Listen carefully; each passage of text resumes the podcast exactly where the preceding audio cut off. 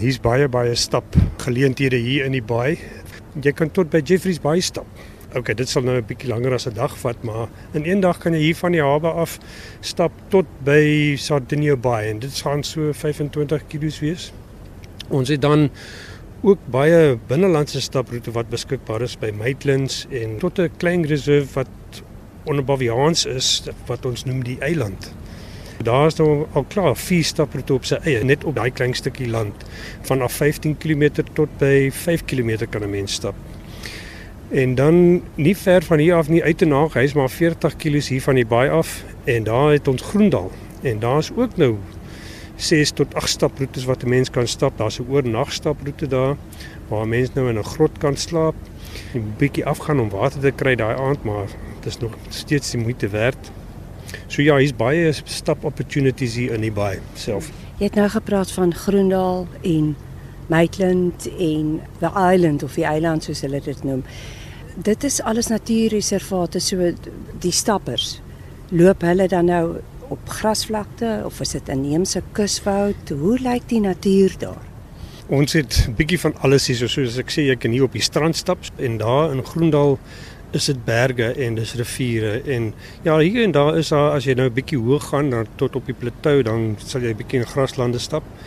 Maar anderste is meeste van dit inheemse bosse en stroompies, water en van die water jy kan drink uit die stroom uit en dis lekker vars krispwater. Inheemse bosse, eiland is inheemse bosse. Daar het ons al paar keer bosbokkies raak geloop en duikertjies en ja, ander diere ook, skilpaadjies en o ja, en die voëls, die Naisneluri. Ew, daar hulle is ook volop daar. Wayne, jy nou as voorsitter van die voetsek voetslandklub, het jy nou al al die roetes gestap? Ek sou graag wil sê ja, maar ek, ek dan gaan ek miskien lieg want uh, daar is nou so baie soos ek sê. Ek het hier meeste hier in die baie meeste van die roetes gestap sover ek weet. Naby ons ook, so 'n paar ure se ry, twee ure se ry het ons ook nou die ou Tonico en die Titsikamer en die Otter wat ons klub nou reël so nou en dan 'n paar keer 'n jaar om daai roetes te gaan stap ook. En jy weet ons is nou ook nie ver van die Karoo af nie. So van hier af kan jy 'n halwe dag ry en dan is jy in die Karoo in en daar het jy nou weer staproete. Die Addo Elephant Park is naby, daar kan 'n mens ook lekker stap in hulle reserve daar by Kirkwood.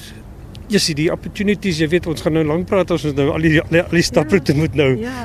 nou ja, ek dink nou ek dink nou juis aan klein rivier. Dit is nogal besonder hierdie diep swempoele in die Karoo. Ja, alweer daai water wat so 'n kristalkleur is. Ek persoonlik is nou mal oor die Karoo. Ek, ek hou ook van die die inheemse bosse. Maar dis twee verskillende wêrelde en albei is hier op ons doorstep. Hier waar ons nou uitkyk oor die hier staan ons hier by die hawe hoof, die water blink soos 'n diamant. Daar is iemand besig om skatte te soek. Hier kom 'n vliegtyg oor en net om die draai is jy in 'n natuurreservaat. Ja, Edo is 40 km hiervan af. En ook deel van ons kuslyn is natuurreservaat. Die strande hierso is is baie baie mooi. Sardinia Bay self is 'n marine nature reserve. Kyk presies, daar het ons nou 'n mooi lighthouse en dit is nou ook van hier af stap afstand. En dan by Pine Lodge het ons ook nou 'n staproetjie daar en hy vat jou na Tweede Wêreldoorlog ou uitkyk huisies en hulle was beman deur vrouens. Hulle het nou daar gebly en uitgekyk see toe om te sien of daar dan enige vyandvaarte is wat hier op die see is. En ja, en dan kos jy niks om daar in te gaan nie. As jy park buite die boom en dan stap jy soontoe en dan van daar af deur 'n bietjie fynbos en dan op die strand en weer terug strand langs verby die lighthouse.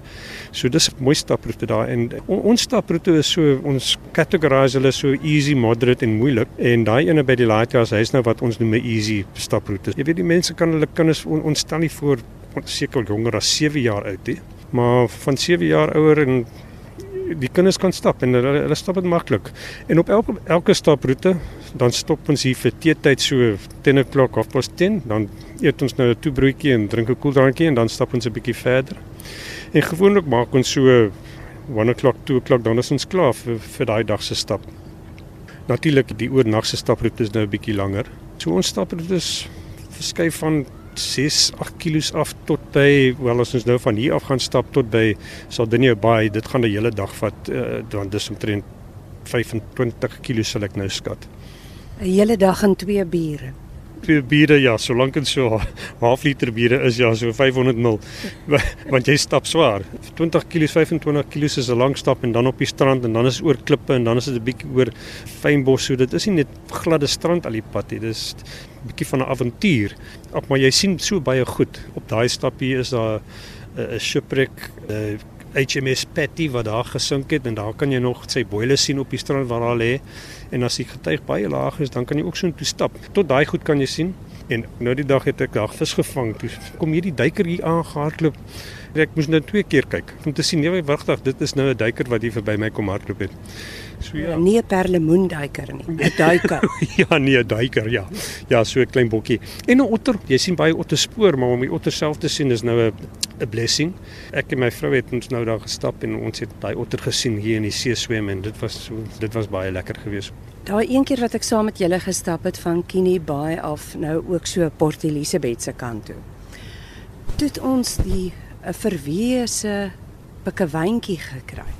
Dis reg ja, eh, hulle het tot die pikkewyntjie 'n naam gegee, Steffie. Hy was so klein pikkewyntjie en dan onder 'n rots weggekruip, maar die mense het hom toe kom haal en 'n bietjie sandkop toe gevat en gerehabiliteer en as hy nou weer sterk genoeg is en reg is, dan sal hulle hom weer nou vrylaat hierso. Ehm um, miskien hier by Bird Island wat op die ooste kant van die baai is. Ja, en talking about Bird Island, daai kant is daar 'n twee dagse staproete Alexandria die eerste aand dan oornag jy op in, in 'n hut op die sandbank voor die strand en as jy uitkyk dan kyk jy 'n bietjie na Bird Island toe en dis dis nou ook verskriklik mooi. Dis 'n mooi staproete ook. Dis die Woody Cape staproete? Ja, dis die Woody Cape, Alexandria Woody Cape. Ja, dis ook 'n uh, natuurreservaat. Dis deel van die Addo Park. Net terug na die Pikkewyn, die Piedetoy. Toe ons so 7 km al teruggestap het, toe kom hy daar met sy plakkies aan. En ja. wat hy daai 7 km strand langs in sy plakkies geloop het om die pikkewyn te vang en in 'n boks te sit en terug te dra. Ja, so ja, so dit was 14 kg in plakkies. Dis nou 'n man van verstaan daai om dit te kan doen want ek sukkel so met boots om op die strand te loop, maar hy, ja, hy gaan sommer met plakkies. Dis daai tipe mense wat die wêreld nou spesiaal maak, jy weet wat hulle kan bring. Nou, as dit nou soveel staproetes is en soveel stappers, dan moes die Grendeltydperk 5, daai streng lockdown soos almal daarvan praat, moes baie mense baie seer gemaak het. Yes, ja man. Kry daai withdrawal symptoms, jy moet nou ietsie doen. En ehm um, jy mag toe alleen gestap het. Ek dink dit was nou op vlak 4 en die klub het nou 'n kompetisie opgesê en sê okay, die mense wat nou in die volgende maand die meeste kilometers kan stap, net om die mense te inspireer om om om fiks te bly toe stap ons verlede chairman Ralph Sheffield Webb. Hy was nou die wenner van die kompetisie. Ja, yes, nee, hy het goed gestap. Oor die 400 500 km in daai maand, dis so 20 km 'n dag. En uh nog steeds as ons nou gaan stap met die lockdown wat nog steeds aan die gang is, ons hou maar by groepies by 15. As daar meer as 15 mense is wat vandag wil stap, dan sal ons die groepie maar opbreek in 2 of 3 of wat ook al nodig het ons pas nog steeds toe die die reëlings wat die regering ingesit het met maskers en die sosiale afstand in en daai tipe dinge.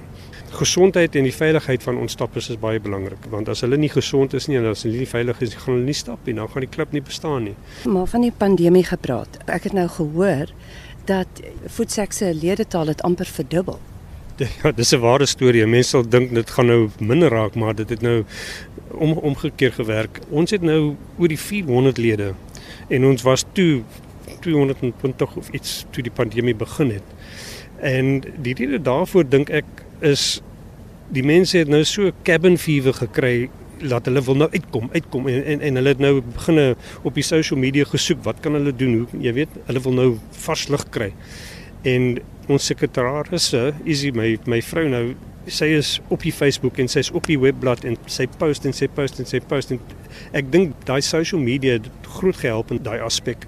En word of mouth, jy weet die mense praat met hulle chommies kom stap saam. Ek het nou hierdie ene gedoen en daai ene en dit groei. Ons was nog nooit so groot nie en hooplik groei ons nog.